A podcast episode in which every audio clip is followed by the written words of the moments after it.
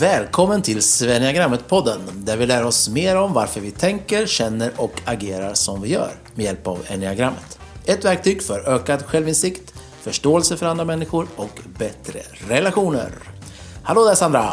Tjena Christian! Hur står det till idag? Uh, bra! Bra! Toppen! Vi kör igång avsnitt nummer åtta här av Svenniagrammet-podden och eh, vem är det vi ska prata om nu? Vilken strategi? Nummer sex. Nummer sex och den kallas för? Eh, ja, men den har lite många namn. Ja, den har lite många namn. Och vilket väljer vi att kalla den för? Den lojala. Den lojala. Men också så här, skeptikern. Just det. Den lojala och skeptikern. Ja. Ja men fint. Välkommen att lyssna på eh, avsnitt nummer åtta.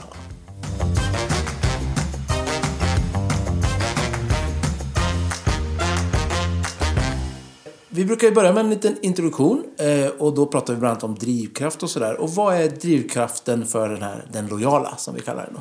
Ja, sexan vill väldigt gärna känna trygghet och säkerhet och ser hela världen som potentiellt hotfull och skannar hela tiden omgivningen på faror och kan kännas igen på sina katastroftankar och liksom rollspelar i sitt huvud eh, inför olika så, scenarier som kan ske och som ofta är negativa.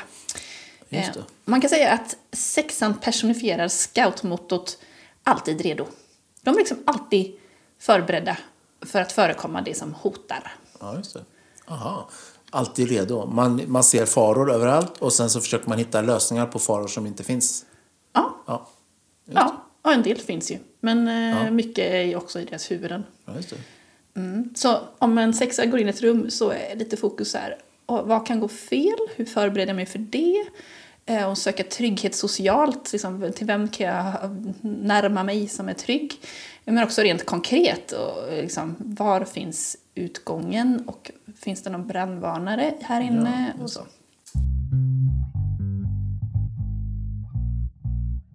Sexan kan känna rädsla för själva rädslan. Eh, och i perioder då jag inte har mått så bra och varit driven av rädsla så det är otroligt tungrott och man kan bli rätt så handlingsförlamad. Och, ja, ja, det, är, jätte- ja, det får man ha liksom, empati med sexan för. Det är nog inte så lätt, tänker jag. Nej, nej. Och jag har förstått att i, i sexer så pågår ofta en slags inre monolog. Liksom att å ena sidan så är det här, men å andra sidan det här. Liksom. Ja. Eh, vill du berätta något om det? Ja, men det är inte bara en röst, utan det kan vara mer som en kommitté eller en kör av röster. Oh. Och det gör att de blir så ambivalenta och ifrågasättande och svårt att fatta beslut. Ja. Eh, för de eh, har lite svårt med självtillit. Liksom. Och så då söker de svar utanför sig själva och då kan man ju få alla möjliga röster och det gör ju att de kastas från ena sidan till den andra sidan. Jag har någon som berättade för mig här innan vi skulle spela in idag. Eh, som sa det här om eh, strategi 6. Eh, och hon sa att eh, ja, men, något som är intressant med sexor det är att de antingen så är de väldigt tror och, och litar mycket på auktoriteter. Eller inte alls. Typ så. Just det. Stämmer det? Ska, vad ska jag säga till min vän som sa så till mig? Ja, men det stämmer. Och det, är, och det handlar inte bara om auktoriteter. Det som är intressant med sexor är ju att de är, väl, de är sin egen motsättning i väldigt hög grad. Eh, De är både väldigt rädda men också väldigt modiga. För mig låter det ju som såna här eh, som är blivit mycket på tapeten sista åren, så lite preppers. Ja. Att man är beredd på att det kan ske katastrofer och att det är väldigt praktiskt då skulle det kunna innebära att man samlar på sig ett eh, eh, förråd med pasta och tomatsås i källaren. Ja, verkligen. Jag har en vän som gör just det här. Och hon håller också på att leta hus. Och hon liksom uttryckt att hennes våta dröm att hitta ett hus med ett eget skyddsrum i. Ja, åh. Det tyckte jag var så ultimat sexatanke. Ja, precis. Men alltså sexor är väldigt fascinerande. Och det är ofta den strategi som tar längst tid för folk. Att liksom, dels att förstå, eh, men också sexorna själva att förstå att de är sexor. Eh, Jaha. ja. Det är liksom lite ett skämt i enneagramvärlden att om du inte kan komma på vilken strategi du har så är du troligtvis en sexa. Ja, intressant. I början när man lär sig om strategierna då kan, eh, jag tror gemene man kan känna lite så här, ja men jag har ju lite hit och lite dit. Ja. Eh, Men för sexorna så kan den känslan fortsätta lite längre. Även för niorna, tror jag. Eh, Och för sexornas del är det att de är så ifrågasättande och är skeptiska ja, till mycket. Lite fram och tillbaks liksom. Att man å ena sidan och å andra sidan. Ja, precis. Ja. Och, och för niorna så är det att man eh, är så bra på att eh, gå in i andras... Som, de är så starkt empatiska så att Ja. de kan leva sig in i nästan vad som helst. Det är det fina sättet att säga det. Ja. Nej, Var det som sa det åt dig? Ja, ja, men det är jag som Nia då som eh, eh, tänker det. Jag kan ju identifiera mig med jättemånga av de här strategierna och känna att det här skulle jag kunna vara någon Mm. dag ifall någon ville det om mig. Även trean tänker jag kan vara så här lite, men jag kan ju... Jag är kameleont. Jag kan shapeshifta lite till vad som helst. Precis, som passar. Mm. 3 och 6 och 9 har ju för övrigt en ganska intressant dynamik. I symbolen så hänger de ju ihop med varandra, är varandras stress och stödpil. Ja, precis ja. Och det är inte jätteovanligt att eh, formas par liksom inom så här en, Ja. en sexa är gift med en trea eller en nia. Eller, ja. Interesting. Vi brukar ibland lite skämtsamt prata om de här olika strategierna, att eh, de har lite ett djur och ett land och lite sådär. Eh, Och vilket djur eh, brukar man eh, sammankoppla strategi nummer sex med? Men nu blir det lite intressant här, Christian Svan. Oh, berätta. För att sexan har ju då som två sidor som ser väldigt motsägelsefulla ut på håll. Så det finns två djur för sexan. Skojar du med mig? Nej. Två djur? Två Ingen djur. annan strategi har fått två dür. Nej, jag har till och med en tredje som en liten backup här. Okej, shoot. Ja, men spännande. Har du det är, att de kan, det är att de kan visa sig så olika då? Ja, sexan. precis. Fobisk eller kontrafobisk. Okej. Finns det någon gissning från ditt håll? Å ena sidan och andra sidan, vilka djur tänker så? Oh, så svårt att tänka sig in i djur. Eh, nej. Ta gärna en minut. Vänta, vi ger, det- vi ger, ge mig tio minuter att tänka bara så ska vi spola fram det här. Nej, jag vet inte. Jag har inget bra förslag. Vad säger du om jag säger hare? Hare? Ja, lite harig. Ja, Det är ju till och med ett ord. just det. Ja, men det är det ju. Att man är lite osäker kan man säga kanske. Lite lättskrämd, Ja. lite nervös. Hoppar fram och tillbaka. Ja, Ja, lite så. du ser det så. Eh, ja, men intressant. Hare, varför inte?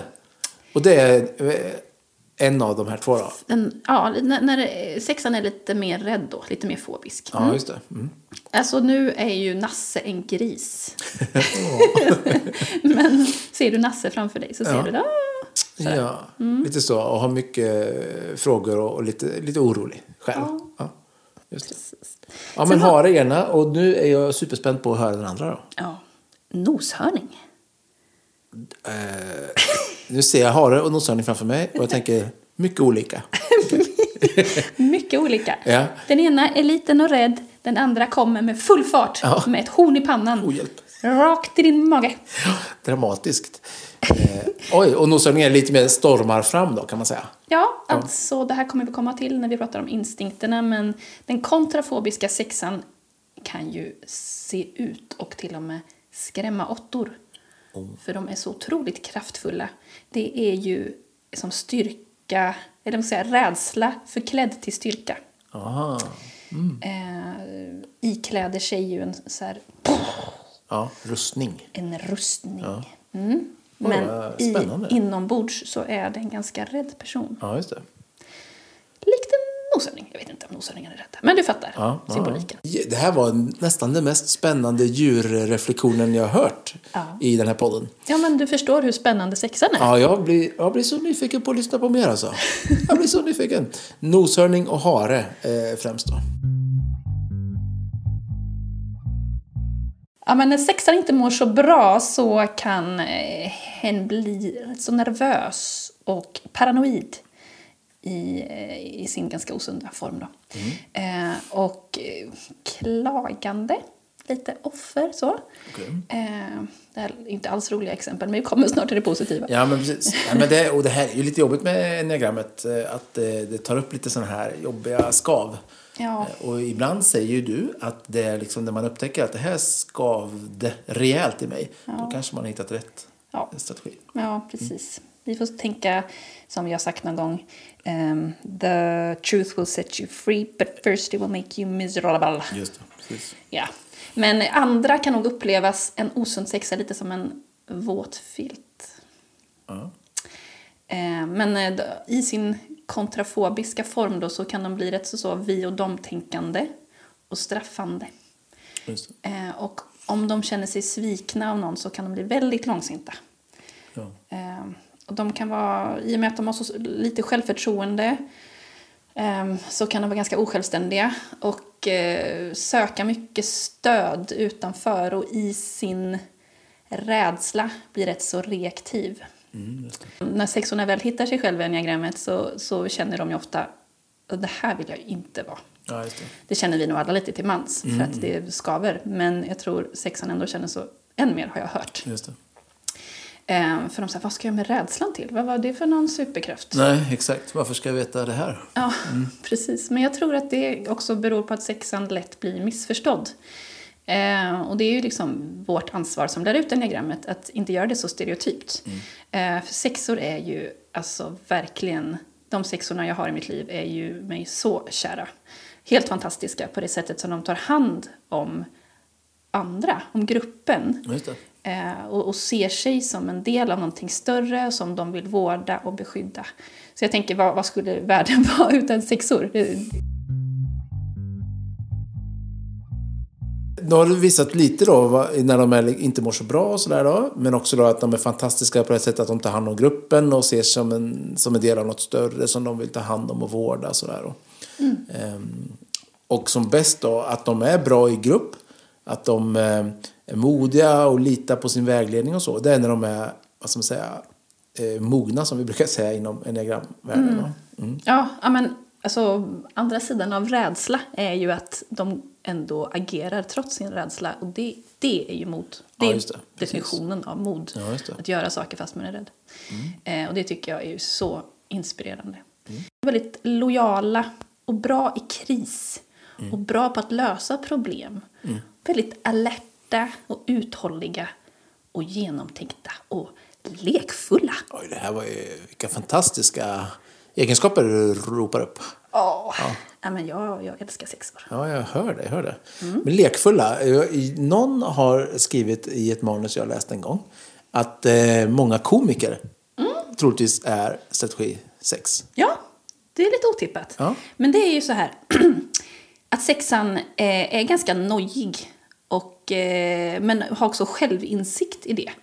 Så att de kan liksom bjuda lite på sina neuroser på ett rätt så roligt sätt även om det kan bli på deras egen bekostnad. Ja, ja, precis. Men eh, de kan liksom, ja, bjuda in oss. Ja, men det är ju spännande. De har sett sina neuroser och eh, kan också göra något kul av dem. Ja, Ja. och jag, det finns några sexor i min närhet som, alltså det finns få som får mig att skratta som dem. Ja, Ja. det. Ja, det är. Det är mycket, mycket självdistans eh, och mycket värme.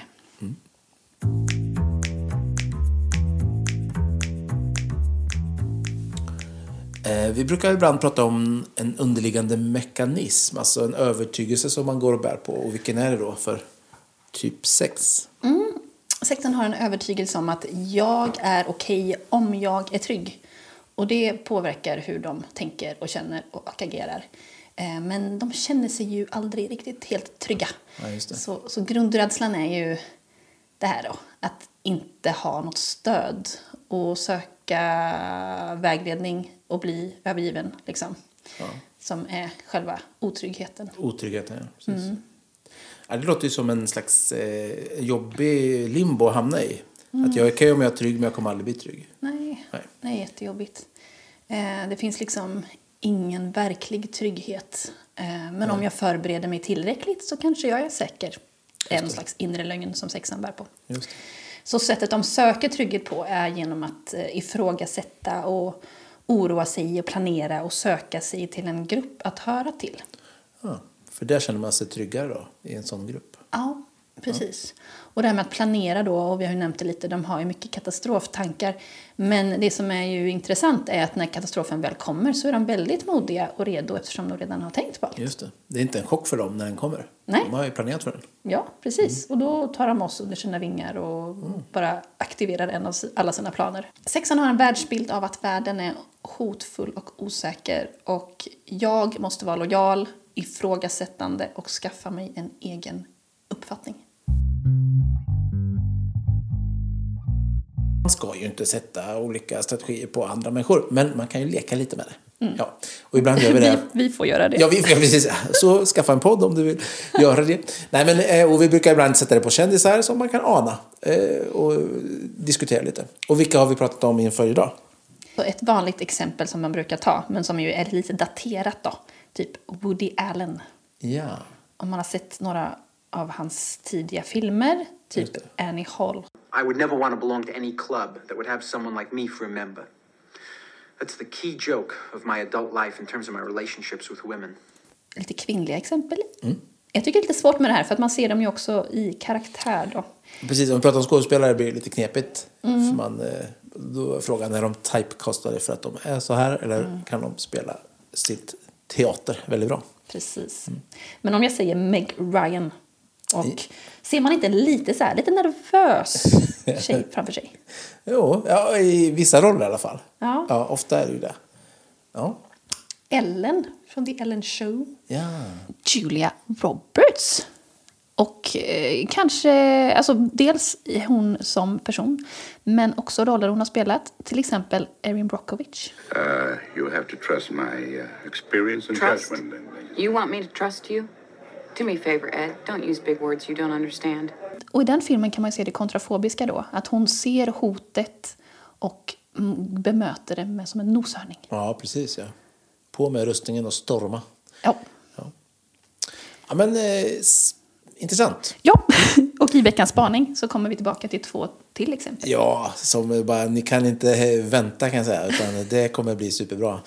Ehm, Men du, eh, ska vi kika lite på, eh, ibland pratar vi om land, att eh, en strategi eh, liksom utmärks av ett land lite extra. Ja. Ja, men det här är spännande med land då, för nu tror jag att vi närmar oss vårt eget land. Svea rike. Är det sant? Är Sverige ett land för strategi 6? Om man tänker på hur vi agerade under pandemin och hur vi förhöll oss till Folkhälsomyndigheten. Att så här, det här med auktoriteter då, att vi, det här är en auktoritet vi känner oss, så här, vi, vi gör som de säger liksom. Och alla satt framför tvn och kollade på presskonferenser och så här. Just det. Eh, det roliga är att de sexor jag känner, på tal om det här med att sexorna har motsättningar i Ja, sig, ja. de litade ju inte på Nej, Folkhälsomyndigheten. nej, okej. Nej. Intressant. Eh, och de ville helst inte vaccinera sig, eller gjorde det inte. Nej, just det. Ehm, så det är det här med ambivalensen där. Eh, sexorna vill ju ha trygghet, men de vill inte bli kontrollerade och vill inte att någon ska säga åt dem vad de ska göra. För då gör de tvärt emot. Ja, det är så dubbelt. Säg vad jag ska göra, men om du säger vad jag ska göra så kommer jag göra tvärtom. Ja, men det, här låter ju... Jag gill, och jag måste säga, jag gillar när det blir lite så här komplext. Ja. Det blir lite eh, antingen så här eller antingen så här. Mm. Att det, inte är så, det är inte så superfyrkantigt liksom. Nej. Det kräver lite mer av oss omkring också att verkligen försöka förstå. Eh, Men, och det här har jag hört från sexor själva, så det är inte bara en nidbild, men att det är inte jätteovanligt att sexor är och också kallar sig lite själva för som foliehattar och konspirationsteoretiker. Jaha. Eh, och liksom, jag litar inte på fakta, för vem har bestämt att det här är fakta? Just det, jag ska leta upp min egen fakta. Mm. Ja, men det är lite eh, också då utifrån att man, eh, man vill undersöka och vara beredd på katastrofer. Jag tänker många konspirationsteorier kanske börjar ändå i den änden. Att det här är någonting som eh, eh, skulle kunna hända och jag måste sätta mig in i det här så att det inte kommer hända. Ja, precis. Och har ingen annan tänkt på det här? Tänk om det är så här istället? Ja, precis. Det är mitt ansvar att ta, ta hand om gruppen och Ja, tänkt på alla vägar. Liksom. På tal om det här med staten, liksom att söka sin trygghet i någonting utanför sig själva. Ehm, så är det ofta att sexan gör det kanske till en stat då, eller till en religion eller politisk grupp, så någon tillhörighet sådär. Ja. Ehm, Är det för att man får trygghet där eller? Ja, men man ser väl liksom till exempel ja, men kyrkan eller landet eller militären som någon slags ultimat trygghetssystem. Här, jag blir omhändertagen här. Just det. Eh, och det kan man förstå utifrån hur sexan fungerar. Det kan ju också bli lite farligt. För sexan kan liksom bli väldigt lojal Mm, till en grupp. Eh, och är, är det inte någon jättegod ledare så kan det bli lite farligt. Aha. Eh, Men jag hör, vi pratade om ett annat lands exempel också här förut. Eller För Ja. mig innan vi började spela in här. Precis. Richard Rohr kallar ju Tyskland för ett sexaland. Ja, just det. Och menar att för att man ska förstå eh, hur Tyskland agerade under andra världskriget och liksom, ja, förstå hela historien, då är det liksom bra att läsa sig in på sexan. Hur de följde sin ledare mot ett uppfattat yttre hot. Eh, ja, det är lite svårt att prata om. Eh, I förra avsnittet så berättade jag med stolthet om den här anekdoten med min farmor Oma som eh, hade civilkurage mot Hitler. Men eh, jag har också andra sidor i min tyska bakgrund som jag inte är riktigt lika stolt över. Man kan också se det här med att det som ledde fram till andra världskriget, nu är ju du någon expert där på andra världskriget så du kan rätta mig om jag har fel. Men jag tänker att Expert är lite starkt ord vill jag bara säga. Men fortsätt. Ja. Ja, men det var ju en, eh, dels den här, en utbredd arbetslöshet som ledde fram till stor rädsla och desperation hos sexor, eller nej, inte sexor, hos tyskar. Tyskar, ja. Ja. Eh, och så kom Hitler och lovade Arbeit und Brot Mm. och så pekade på en gemensam yttre fiende. Liksom. Mm. Och som sagt, häxor kan bli ganska så fanatiskt hängivna till någon eller något som lovar dem säkerhet. ja just. det. Eh, Men det är ju inte så att det finns mer sexor i Tyskland eller Sverige. Nej. Men det kan vara ett eh, så kallat sexigt förhållningssätt. Ja. Bara ordet ångest kommer från tyskans angst. Ja. Nej, och det, det är på ett sätt inte så svårt att förstå. Om man, om man har som sin absolut starkaste drivkraft att få vara trygg och säker.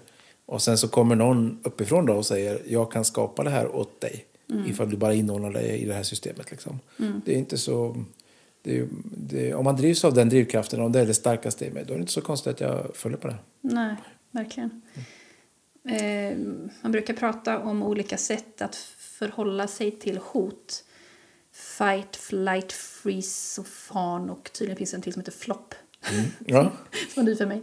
Ehm, och sexan kan ju anamma alla de här. Ehm, men den kontrafobiska som oftast är den intima sexan som vi kommer komma till senare är ju, agerar ju ofta med fight.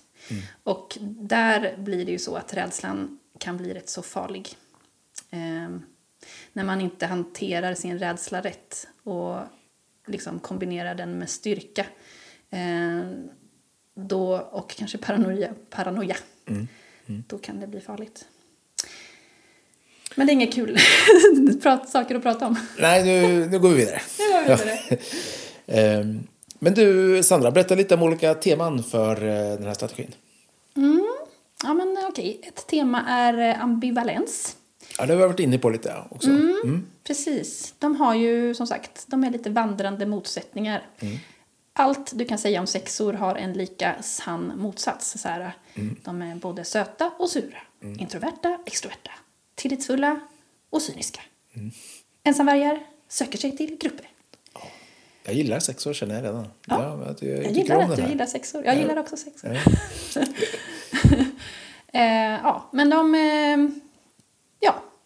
De, det var en sexa i en podd som uttryckte det så här att hon kände inte så mycket igen sig i det här eh, eh, rädda.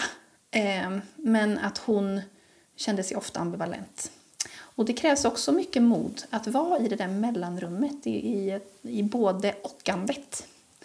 Eh, och hon beskrev sig ju inte som, som en person som är svartvit men att hon verkligen söker klarhet och tydlighet och gör det genom att ställa många frågor. Eh, så det är också så man kan känna igen sexor lite, i, kanske i en arbetsgrupp. Så här, ja, men vem på mötet är det som Ja. har en massa frågor? ja, söka information. Ja, och eh, har ni tänkt på det här? Ja, precis ja. Men det här då? Det här, ja. Och andra kan bli lite trötta och tänka, men kan vi komma vidare? Men det är ju liksom också det fina med sexan, att de vill se till att vi är trygga, att vi har tänkt på allting. Eh, och de kanske inte alltid lyfter fram det positiva. Alltså de kan få lite dåligt rykte av att vara pessimister. Och det tror jag kan vara ganska sårande för sexan också att höra det. Bara, Nej men jag är, inte, jag är inte pessimist, jag är realist.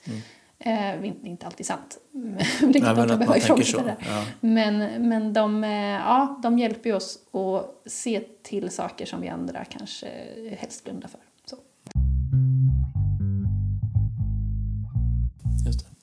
Men de har svårt att komma till beslut. Ja, Ja. det är också ett väldigt tydligt tema. Eh, att det här, å ena sidan och andra sidan. Och att inte lita på sin egen magkänsla, vilket ju är en viktig utvecklingsväg för sexan att komma till.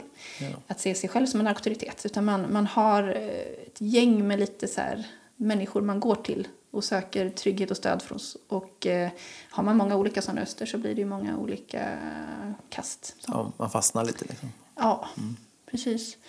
Analysis paralysis. Ja. Eh, och väger argument mot varandra och är rädd för att det ska bli fel. Liksom. Ja, men även när sexan väl har fattat ett beslut och alla tänker åh, härligt, nu kör vi på det här. Så kan de riva upp det och börja ifrågasätta det igen. Eh, och det kan ju vara ganska jobbigt för både sexan och omgivningen. Jag tänker det här kan ju bli, till exempel i relationer måste det bli jättejobbigt. Så här, ska jag, ska jag kila stadigt ja, just det. eller inte? Nej, det, måste, det måste vara lätt att fastna i den limbon där liksom. Att hela tiden bara... Och jag tänker så här mentalt, man måste bli helt uttröttad. Om man bara går och kastar runt frågor hela tiden liksom. otroligt jobbigt. Ja. Man blir liksom som en fånge i sitt eget huvud och som en hamsterhjul. Det blir liksom, som vi sa där, rädslan kan göra en så handlingsförlamad. Ett tips då kan vara att skriva dagbok och få ur eh, alla saker som är samsas i huvudet Ja, och få det på pränt kanske börja se röd tråd. Mm. Sortera lite liksom. Ja. Men du, det låter lite sådär bara om jag tänker att man är bra på att eh, tänka från olika perspektiv. Eh, då så borde man ju bli bra på att, eh, alltså empatisk förmåga, att känna vad den andra känner. Om jag kan förstå att här finns det olika sätt att se på det här. Ja. ja men sexan beskrivs ju som en väldigt empatisk strategi. Ja. Eh, och jag tänker lite som med fyran som liksom bär på sorg så, och hur, hur det formar fyran och så gör den väldigt empatisk så bär ju sexan på rädsla och det formar hjärtat på ett, på ett särskilt sätt. Så ehm, sexan är inte främmande för det svåra med att vara människa. Och det gör dem ju väldigt mm, fina som människor. Ehm, Ja, och sen gillar jag det här du sa, eh, det här med att det krävs ju mycket mod att våga göra saker om man är rädd. Ja. Kan man säga att det är också ett tema eller? Ja, men verkligen. Eh, men det, kan bli, det kan bli som sagt handlingsförlamande. Bara, äh, det finns så många risker med det här projektet så det är lika bra att jag stannar hemma. Men så har man ändå så här FOMO.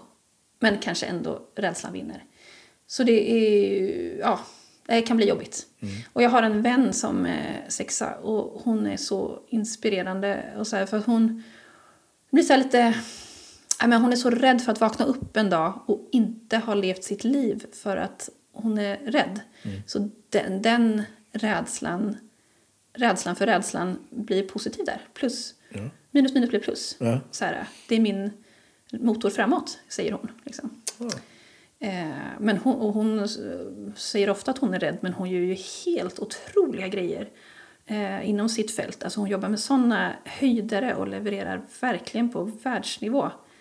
Men ändå så inför varje gig så är hon bara Åh, hur ska det här gå? Ja, jag förstår. Ja. Och själv så står man bredvid bara men du är ju bättre än Ja. alla andra. Liksom. Inte för att man behöver jämföra men du är ju det.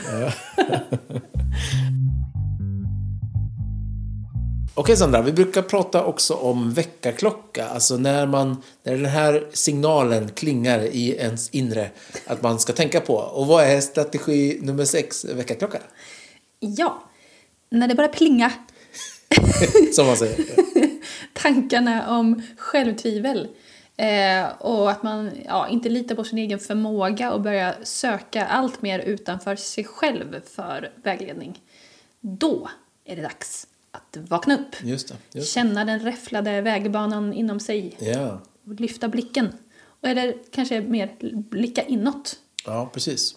Och, och få se sig själv som en egen auktoritet. Och vi kommer ju lite senare komma till eh, utvecklingsvägar och liksom för, för den här strategin. Så det är väl att snegla åt det hållet då. Hur kan jag liksom nå längre och upptäcka ett rikare liv? Precis. Eh, vad säger du om sexans sätt att kommunicera då? Ja, eh, vi har redan nämnt det här med att de ställer mycket frågor. De är ofta skeptiska och kan ha lite svårt att lita på andra. Eh, en vän till mig är väldigt skeptisk till män inte för att hon har några egna dåliga erfarenheter, utan typ statistiken säger att Ja, just det. det är många män i fängelse. Typ. Ja, många brott begås av män. Det här, vi pratade om det också, där med pessimism. Att de är ju inte så pessimistiska som de låter. Det är mer att de vill eh, eh, liksom bredda eh, samtalet lite. Och då kanske det är många som redan har lyft de positiva sidorna. Och då ser de det som sitt ansvar att lyfta det negativa. Eh, så det de kan tänka på är att också lyfta upp det positiva de har sett. Så att det blir lite mer även i deras egen kommunikation en, en lite större nyansering. Just. Just. Men de är ofta väldigt så genomtänkta och engagerade och eh, fokuserar mycket på fakta. Eh, och lite så här kontextbaserad. Så här, de får en fråga, så här, ja men det beror på. Just det. Kan vi se det så här? Det är svårt att ge ett rakt svar där, utan man vill koppla in det med massa andra faktorer. Ja, precis.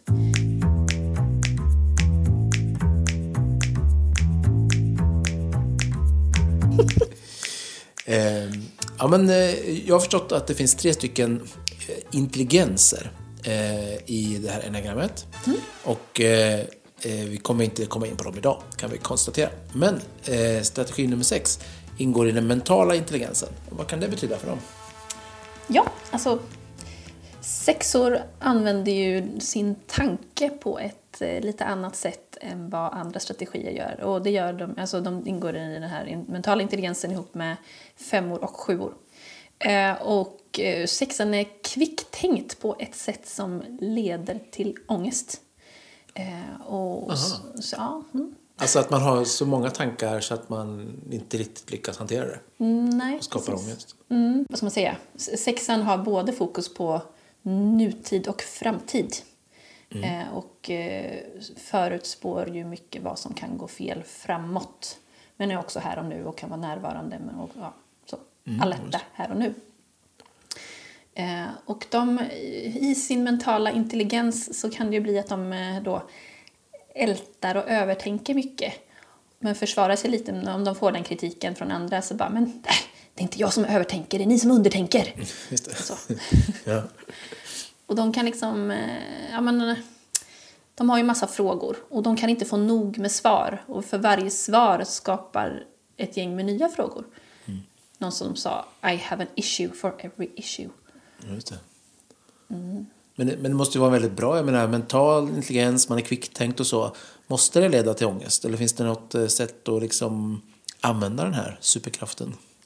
Alltså vi vill ju inte att sexor ska bli mindre alerta på ett sätt. Nej, alltså, nej. de, de försvarar ju oss. Det där är ju deras eh, liksom, gåva till mänskligheten. Ja. Vi skulle ju alla dö ganska fort om vi inte hade liksom, den här, även om inte alla är sexor, men om det, det, det sex, ursäkta uttrycket, det sexiga förhållningssättet eh, att vara alert. Mm. Eh, vi behöver ju det. Ja, Eh, så det är ju det är när det börjar bli för mycket då, man överanvänder sin strategi. just det. Sexan känner sig otrygg och så tänker de så här, jag måste tänka klart på det här och sen blir jag trygg. Och så, så blir det som ett eget hamsterhjul. Och så behöver de inse att det är själva tänkandet som gör dem otrygg och att det är tilliten som är svaret. Ja. Det är liksom väldigt motsägelsefullt. Och det kan vara svårt att komma ur den där loopen. Varje intelligens har som en övertygelse som de behöver inte spräcka hål på. Och för den eh, eh, mentala intelligensen är det jag är vad jag tänker. Eh, och för den emotionella intelligensen är jag är vad jag känner. Och den fysiska intelligensen jag är vad jag gör. Eh, men inget av det här är ju liksom helt och hållet sant. Så du är ju större än så. Det. Så det behöver var och en av intelligenserna, eller av strategierna som hör till de här olika intelligenserna, genomskåda och ifrågasätta. Så. Allt du tänker är inte sant. Och du ska inte, liksom, se inte rädslan som den du är, utan sexan behöver jobba på att separera sig från sin rädsla. Den är så ett med dem. Och det här tror jag är en väldigt viktig poäng med att förstå sexan och för sexan att förstå sig själv. Att, att eh, ifrågasätta sin egen rädsla. Just det. Just det. Och på något sätt försöka välja tillit. Ja. Ja. Jag hörde en, eh, en övning som sexan kan ta till är att sjunga sin rädsla till tonen av Happy birthday. Svår Jag övning. ramlar i trappan, jag visar rumpan för alla. Väldigt svår övning. Så. Och då, då blir det så här, jaha, det var så jag tänkte. Det var ju lite Ja, just det. lustigt. Där är inte jag. Det där är, man, man på något sätt Just det. externaliserar det. Ja, man plockar, och det är lite, det har väl liksom skriva dagbok har lite liknande funktion. Man, man skriver ner på ett papper och det är någonting annat än jag är. Ja, och bara viktigt. att få ut det så gör att man kan bearbeta på ett annat sätt. Ehm, Men du Sandra, jag tänker de senaste åren eh, i världen och just nu då liksom i Europa mycket är det ju en väldig oro och rädsla för krig och pandemier och sånt där. Hur, hur reagerar sexorna i ett, eh, i ett sånt klimat liksom? Ja, alltså kon- konstigt nog så är det ju nästan som att sexan kan bli nästan lugn av det. Så här, och vad skönt, nu är det inte bara jag som ser faran längre. Och nu är vi, sexan är ju verkligen en lagspelare så här, nu är vi ett i detta. Det. Eh, och de har ju ofta tänkt ut någonting bra och eh, tar andra under sina vingar liksom. Kom in i mitt skyddsrum. Ja, ja. och jag har bunkrat åt dig med. Ehm, ja, men det kan, eh, tvärtom vad man kan tro, så är de, hanterar de ju sånt bättre än vad vi andra gör. Som är lite oförberedda för rädslan och hur det lamslår oss. Ehm, sexan är liksom grupperad ihop med ettan och tvåan i den eh, plikttrogna grupperingen. Okej. Så de är liksom extra pålitliga och plikttrogna. Ehm, och det är ja, vi har ju nämnt det lite grann, men med lojalitet är ju väldigt viktigt. Eh, det kan ta ett tag att komma sexor in på livet, men när man väl har gjort det så är man liksom, you're in it for life. Just det. De kan gå genom eld och vatten för dig och verkligen försvara dig.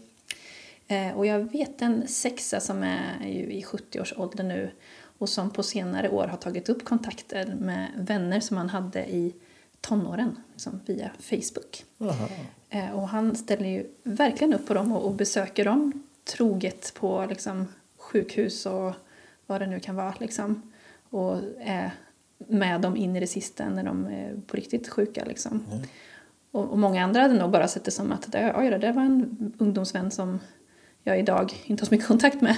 Men eh, ja, han tar verkligen liksom, ansvar eh, på ett väldigt fint sätt. Det tycker jag är så inspirerande. Så kommer vi till det här med försvarsmekanismen. Precis, försvarsmekanismen. Eh, och eh, hur fungerar det på strategi nummer sex? Ja, den kallar vi för projektion. Mm, alltså att sexan projicerar sina egna svagheter på andra och straffar dem för det. det nu när jag sa det så kände jag, det lät inte så charmigt. Nej, det, nej precis. nej. nej, men så är det ju. Ja. ja, men det är ju så för oss alla att ofta är det så att det man irriterar sig på hos andra människor är ofta det man själv behöver jobba med. Och det är ett lite extra vanligt tema för sexan. Eh, och att göra så kan ge dem lite respit och tröst och lite ta bort udden av deras rädsla för de ligger det ju utanför sig själva. Så. Eh, och det hjälper dem att upprätthålla sin självbild av att vara pålitlig och lojal och realistisk. Men det innebär ju också att de ger bort sin makt och liksom inte jobbar med det de behöver jobba med utan istället anklagar andra som roten till problemet istället för att ta sitt eget ansvar. Men eh, sexan kan också projicera positiva attribut på människor på, och också på organisationer och så. Och det kan nästan bli lite överdrivet och det är också ett sätt för dem att eh, hjälpa sig själva att vara lojal. För om man höjer upp någon till skyarna Ja. så, så är det lättare för dem att ja, Ja, stå vid en sida liksom. Ja, precis. Och det är den sj- självbilden som de vill upprätthålla om sig själva. Som en loja- lojal person är en bra person i sexans ögon. Ja. Men om sexan upplever att andra sviker, och, det kan gå ganska fort och det behöver inte alltid vara så underbyggt kanske. Nej, nej. Då kan pendeln väldigt snabbt svänga och då är det svårt för sexan att förlåta. Eh, Men eh, att sexan då lite stänger ute den här personen, det ser inte sexan som illo illojalitet. utan att hen är realistisk. Så då kan självbilden som lojal fortfarande upprätthållas. Ja, ja. Någonting som jag förstått som många då brottas med, men kanske sexan extra mycket, det är det här imposter syndrome. Eh, Visst är det så? Ja, precis. Att liksom känna snart kommer någon att komma på mig. Ja. Att jag är fake. Eh, det. och det tror jag sexan lider lite extra mycket av. Och det är ju en särskild form av ångest i det. ja, men det är klart att man går och känner sig nästan lite falsk hela tiden. Liksom. Att man, eh, ja, man, de kommer snart komma på, på, komma på vem jag är på riktigt. Liksom. Ja, precis. Och en, mot, ett, en slags medicin till det kan ju vara att skriva ner allt man har gjort bra. Och allt som har gått bra. Och påminna sig om det. Liksom. Se till bevisen. Du gör bra grejer och du är trygg. Och det har gått bra förut. This too shall pass. Så. Mm. Och så där, eh, vi är lite inne då på det här temat med självtvivel. Och, eh, sexan har ju någon slags bild av att rätt information finns där ute någonstans och bara jag ställer rätt frågor så kommer jag få rätt svar och då kommer jag veta vad jag ska göra. Så att man lägger bort makten till att någon annan sitter på svaren till mitt handlande. Eh, och så tusen frågor i, i huvudet liksom så här. Vem finns där för mig? Jag försöker finnas där för andra, men finns de där för mig? Kan jag lita på mig själv? Kan jag fokusera på det? Trots att hela omvärlden skriker fara och försöker dra mig i olika riktningar.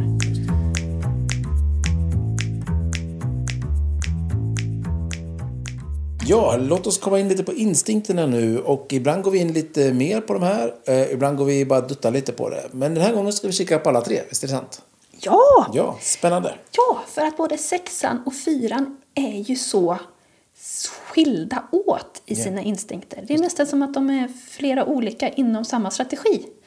Och då känns det som att det, det enda rätta att göra är att gå lite mer på djupet. Eh, ja, så för eh, sexan så är det liksom de här tre varianterna är som tre olika sätt att hantera sin rädsla. Eh, och vi har ju nämnt det här med fobisk och kontrafobisk. Antingen att man- Haren, noshörningen. Precis. Eh, Richard Rohr säger Sixes are either at your feet or at your throat. Ja, just det.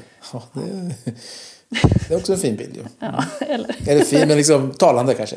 ja, precis.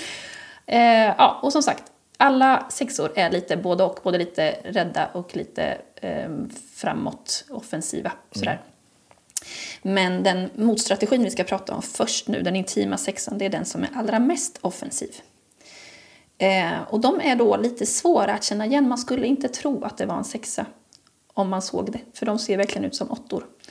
Eh, men ehm, ja, vi nämnde här lite att som rädslan är gömd under aggression. Eh, fake strength filled with fear. Och jag hörde en podd med en eh, intim sexa som beskrev det som att hon ofta bar på en skinnjacka, en svart skinnjacka.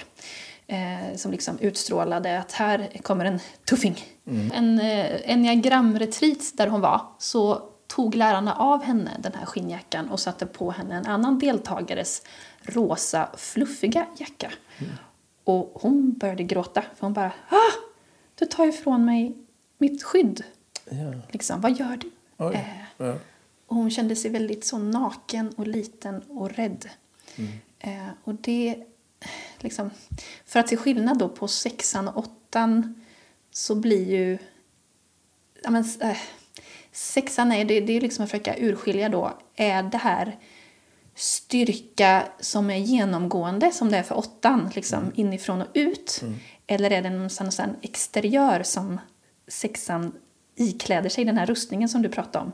Eh, att se läskig ut på något sätt för att uttrycka styrka. För att liksom hantera rädslan då, som man har Ja. sett eller faran. Då, liksom. Ja, precis. Ja. Och sexan blir ju reaktiv vid hot, men är det inte annars. Medan åttan är liksom kraftfull även i vila. Ja, så det... Ja. Ja, men det här tycker jag är ju mycket intressant. Att de, också, de här instinkterna kan eh, liksom kasta om vissa saker så de kan se annorlunda ut. Då. Eh, men igen då så är det ju drivkraften som är liksom grundidén för varje eh, strategi eh, siffra. Men sen då, beroende på vilken instinkt man har så kan det te sig väldigt olika beteendet då. Och eh, när den, eh, den här eh, intima sexan inte mår så bra då så blir det det här ett osunt vi och dom-tänkande. Och eh, kan bli paranoid. Och man liksom går emot och offensivt och kan se det som det är någonting bra jag gör genom att jag går emot det här hotet. Och, men det som särskiljer den sociala instinkten är att de mer än de andra lutar sig emot auktoriteter och ideologier och ledare och kan lita blint på dem. Okej. Eh, Och de tycker om att hålla sig till regler och vill veta vad som gäller. Liksom, vad är min roll? Vad förväntas av mig? Och är väldigt punktliga och precisa på ett sätt som gör att de kan se ut som en etta eller en trea. Ja, och, och social instinkt då, det är att man kopplar mot en grupp tydligt va? Ja. Gärna. Och det är ju, det är ju rimligt då att man lutar sig mot en auktoritet som hjälper till att hålla en grupp intakt liksom. Ja, men precis. Bra sammanfattat. Ja, sen har vi den självbevarande sexan och det är då alltså den mest rädda sexan som man tänker sig klassiskt rädd. Eh, och de är mer eh, relationsorienterade och söker stöd ifrån partner och vänner och sådär. Eh, utstrålar mycket värme och vänlighet och kan se ut som tvåan genom det. Just det. Eh, De har också lätt för att känna skam och dåligt samvete och kan ta på sig andras bekymmer och ta ansvar. Så. Sen så är det ju mycket liksom, neurotiska drag och kan vara lite paranoid. Eh, och då får vi komma ihåg att det här är ju ett sätt för dem att hjälpa oss att undvika fara. De försöker ju skydda oss. Det är deras kärleksspråk. Så vi som är omkring får försöka att se det här mönstret som driver ångesten eh, och, och söka empati liksom, för att det som ligger bakom beteendet. Eh, de har ju en rädsla för att inte ha stöd så vi får liksom börja med att ge dem stöd. Ehm, ja, och det som talar till deras eget kärleksspråk som får dem att känna sig bekräftade är att vi lyssnar på deras oro och bekräftar på ett empatiskt sätt. Och det behöver inte betyda att man håller med dem, men man liksom säger typ Ja, jag förstår att det här är jobbigt för dig och ja, om det skulle hända så vore det verkligen hemskt. Och det kan hjälpa dem att ta udden av sin rädsla. Ja. Så att de liksom blir lyssnade på med sin rädsla kan hjälpa dem att eh, hantera det bättre liksom. Ja, precis. Eh, och det man inte ska göra är att börja debattera med dem eller slå bort oron eller döma deras behov av att förbereda sig eller typ allt kommer bli bra, lita bara på mig. För sådana saker kommer bara befästa deras oro. Så hjälp dem hellre att ta reda på fakta och få prata igenom viktiga saker. Eh, För de är ju, även om det är någonting de behöver jobba med att bli fria från, med rädslan så, så är det ju, i alla fall i utgångsläget när de inte är helt sunda, är det ju att min oro är min identitet. Så när vi ifrågasätter deras oro så är det som att vi trycker ner deras identitet. Just det. Just det.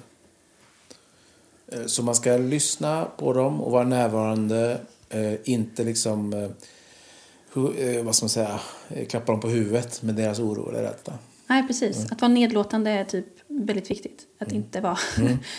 Ehm, och de vill ju bli mötta och förstådda på ett känslomässigt sätt, mer än på ett mentalt sätt. Så gärna med närhet och ömhet. Eh, för det hjälper deras tankar att sakta ner. Eh, och den oron kan göra att de fastnar i sitt huvud. Så det som kan hjälpa är ju att eh, uppmuntra dem till en promenad eller lägga en hand på deras axel eller om, man, om det är passande så kan man ge dem en kram för att hjälpa dem att komma tillbaka till kroppen. Ja, Och på ett mjukt sätt liksom hjälpa dem att lyfta blicken och inte fastna i det här ältandet. Och kanske ifrågasätta själv, eller be, be dem att förklara. Ja. Ja, men nu har vi hört många negativa aspekter av den här frågan. Vad tycker du vi ska göra då? Vad, vad är vägen framåt för att hjälpa dem att komma in action? Ja, men superbra tips. Vad Mycket eh, ja, men, eh, konkreta och bra tips här, Sandra. Superbra. Mm. Tack!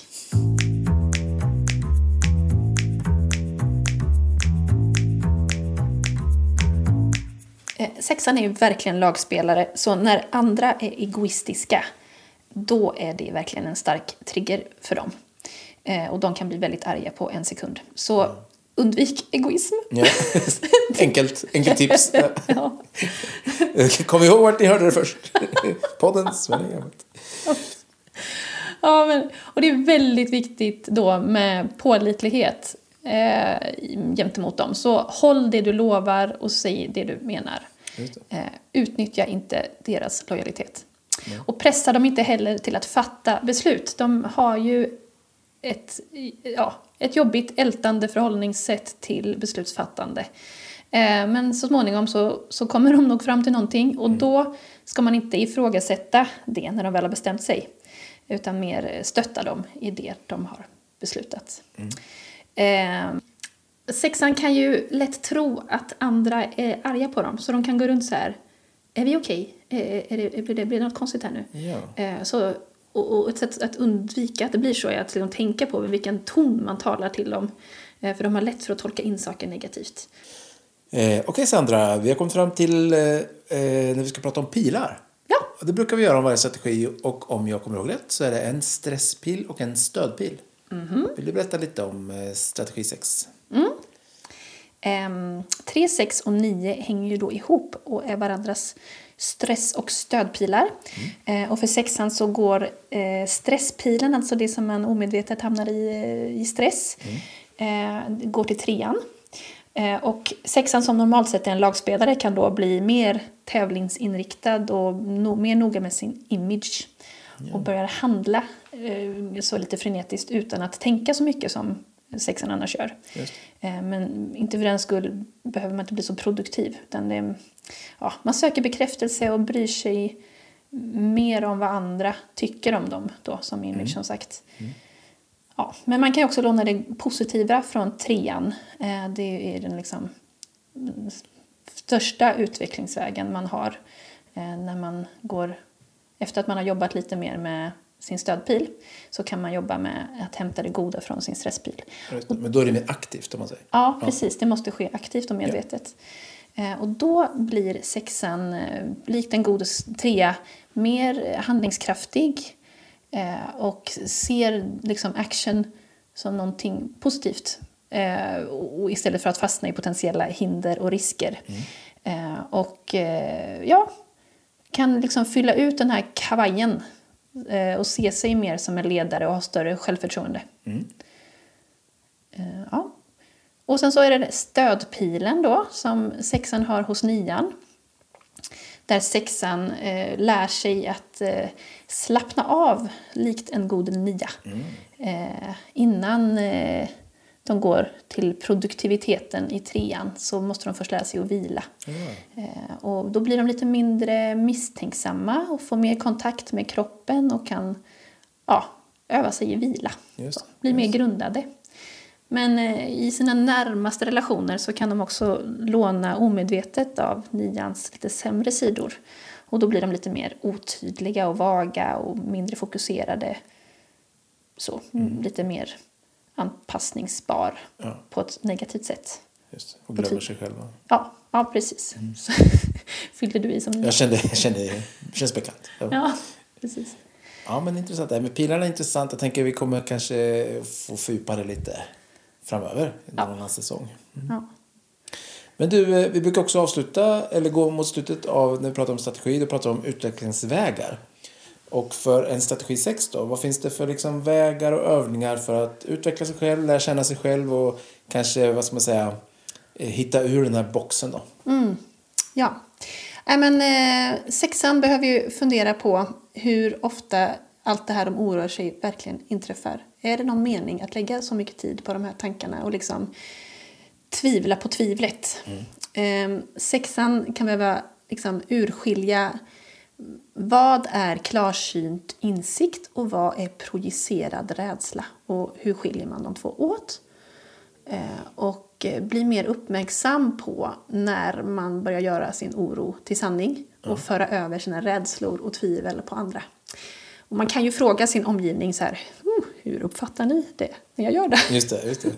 Och så kanske kan få en liten skräddarsydd hint på när det börjar ske. För att det är nog ganska jobbigt för omgivningen skulle jag tro.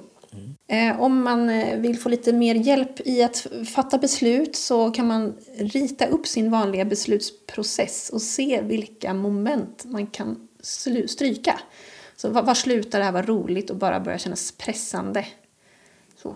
Och, och öva på att ta in mer av sin magkänsla i Ja. beslut. Kanske lite mer så här, vad var det första alternativet jag tänkte på? Det kanske var rätt. Ja, precis. Och, och våga gå på det då. Och Våga och liksom mod har vi pratat om också. Jag antar att det kan vara en utvecklingsväg då. Att, eh, att eh, notera rädslan men ha mod att gå ändå. Liksom. Att ta Ja. ett beslut. Ja, men verkligen. The, the, the only way out is through. Och, och göra saker fast man är rädd. Det är ju väldigt viktigt. Och, och vilja förändring och se att liksom, viljan är större än min rädsla.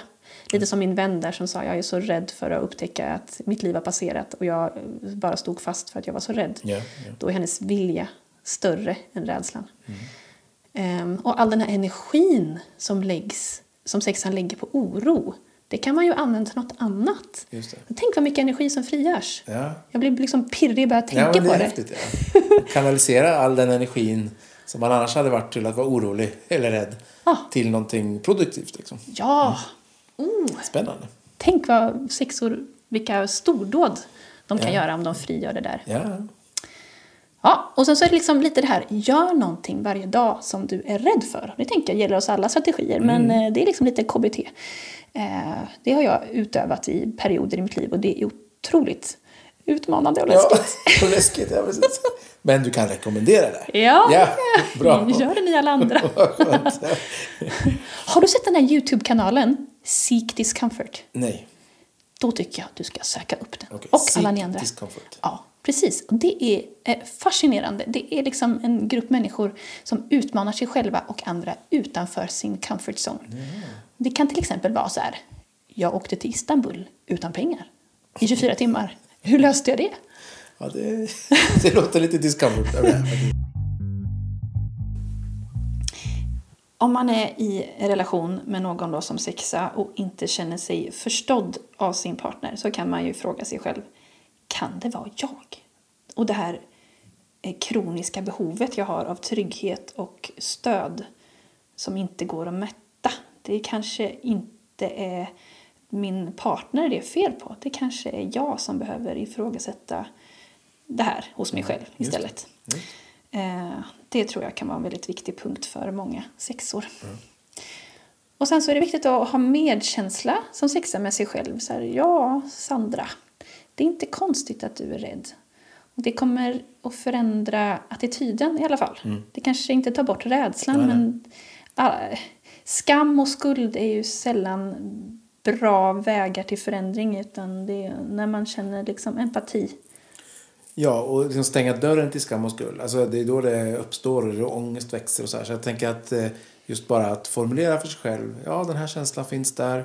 Det är bara det liksom lättar på locket. Precis. Eh, och eh, sexan har ju ett nervsystem som hela tiden, 24 timmar om dygnet, jobbar för fullt. Så sexan behöver aktivera kroppen för att komma ur sitt huvud. Och det kan man göra på lite olika sätt. Och vi har nämnt det här med promenader och kanske mm, klappa en hund, ta en kall dusch och, och få en lång kram av någon man tycker om. Det kan vara viktigt att hitta någon avslappningsteknik. Ehm, så, och så ofta man kan under dagen öva sig på till exempel andas djupt eller liksom träning, dans, meditation, ja, påta i trädgården eller något sånt där. Och sånt här kan vara särskilt viktigt att ta till om man vet att man ska ha ett jobbigt samtal som har risk att eskalera. Så är det bra att man har grundat sig själv innan med någon sån här nervsystemslugnande övning. Ja. Mm. Och när man håller på och ältar så det, kan, man, kan man hitta sätt att bryta sina negativa tankar. Kanske liksom rent bildligt framför sig ja. illustrera. Nu klipper jag av den här filmen i huvudet.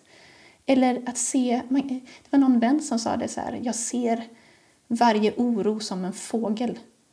Här kommer måsen. nu låter jag måsen flyga. Ja, men det är väl en bra bild för att andas djupare och kunna liksom eh, hantera en sån. Det är jätteintressant. Och också lägga det utanför sig själv lite. Ja, ja, det precis. ses ju som ett. Jag är inte att jag- måsen. Nej, måsen är på väg bort.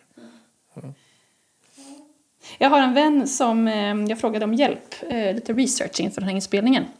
Och hon sa, jag tycker du ska tipsa alla sexor att de liksom jag ska ha en tavla precis vid ytterdörren som de ser på innan de går ut. Eh, som det står What if I fall? Oh, but my darling, what if you fly? Ja, men, eh, tack alla strategisexer. Eh, ni är liksom, eh, ni bygger community och ni är jordade här på plats.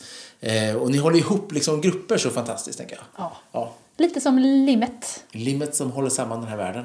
Ja. Ja. och det jag verkligen uppskattar med sexor är ju att de, eller ni, är så naturligt ödmjuka. Ja. Det, det finns ju, alltså självtvivel i all ära, men det, det finns ett sunt självtvivel. Jag kan ha fel.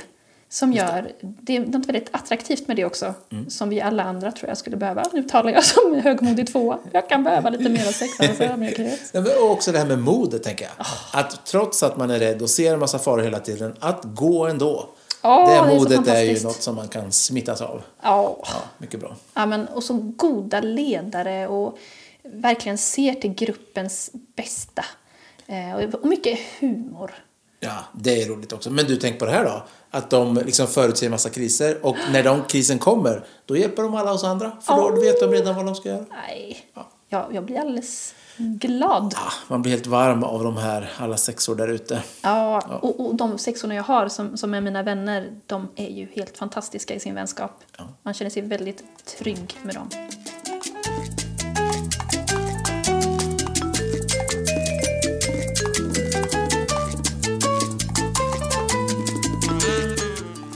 Okej, veckans spaning! Vi har ju två stycken som vi ska snacka lite om. Ja. En kortis och en möjligtvis lite längis. Eh, berätta.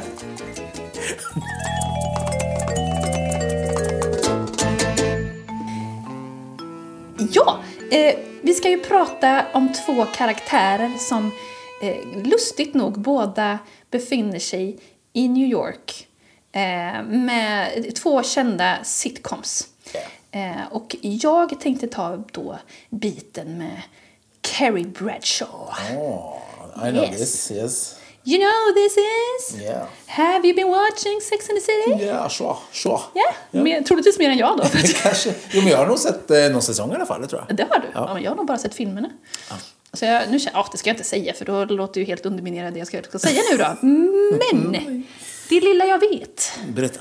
ja, det är ju att Carrie då utger sig, eller i alla fall i enneagramsammanhang så ka- typas hon som en sexa. Hon är ju väldigt varm och lojal mot sina vänner men har en air av ångest runt sig. Ja. Hon ältar och ber sina vänner om råd mycket. Och, men är också väldigt rolig och ofta på sin egen bekostnad.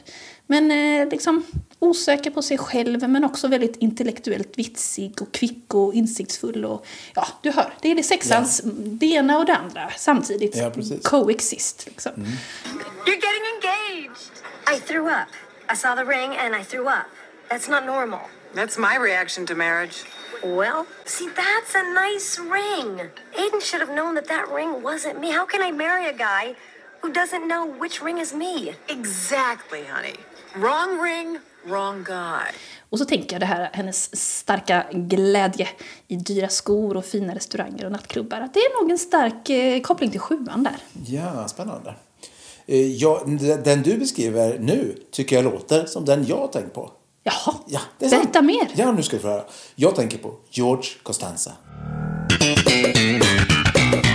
Ja, ja, men det här med snygga skor och... Nej, inte det sista kanske. Men det här eh, rädsla för att eh, committa till någonting. I've had my difficulties. Att liksom svårt att ta beslut, att liksom älta fram och tillbaka, att vara orolig över allt som kan hända.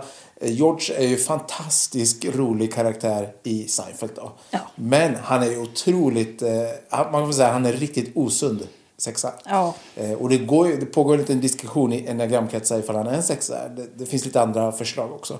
Men, men jag tänker just det här att han har så svårt att ta ett beslut och sen när han väl tar ett beslut så går han runt och ältar det med, med, med Jerry och med Kramer i all oändlighet. Something. Something I haven't felt for a long time. Pride? No. autonomy. Complete and total autonomy. Well, you're your own boss now. I want to go to a tractor pull. Go ahead. I am staying out all night. Who's stopping you? I want to bite into a big hunk of cheese. Just bite into it like it's an apple.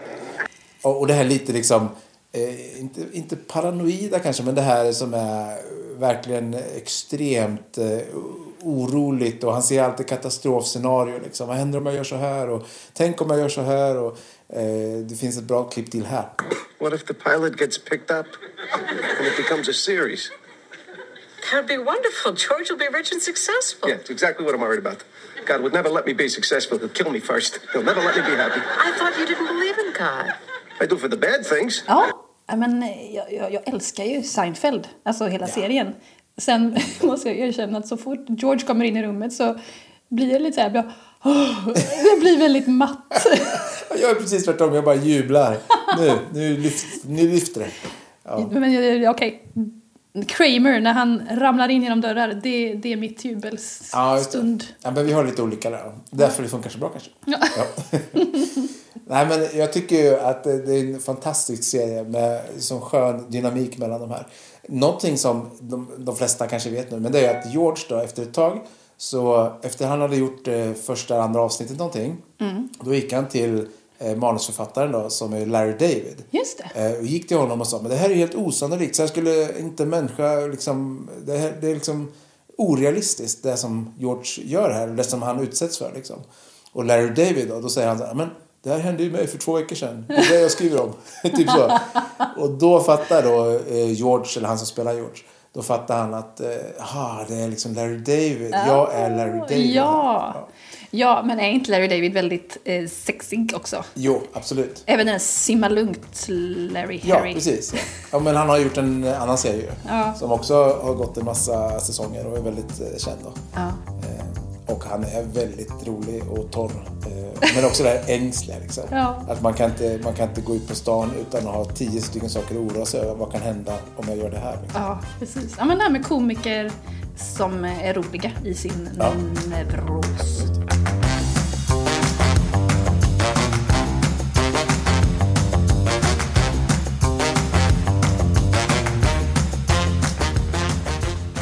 För att ni har lyssnat på Svenniagrammet den här veckan. På återhörande.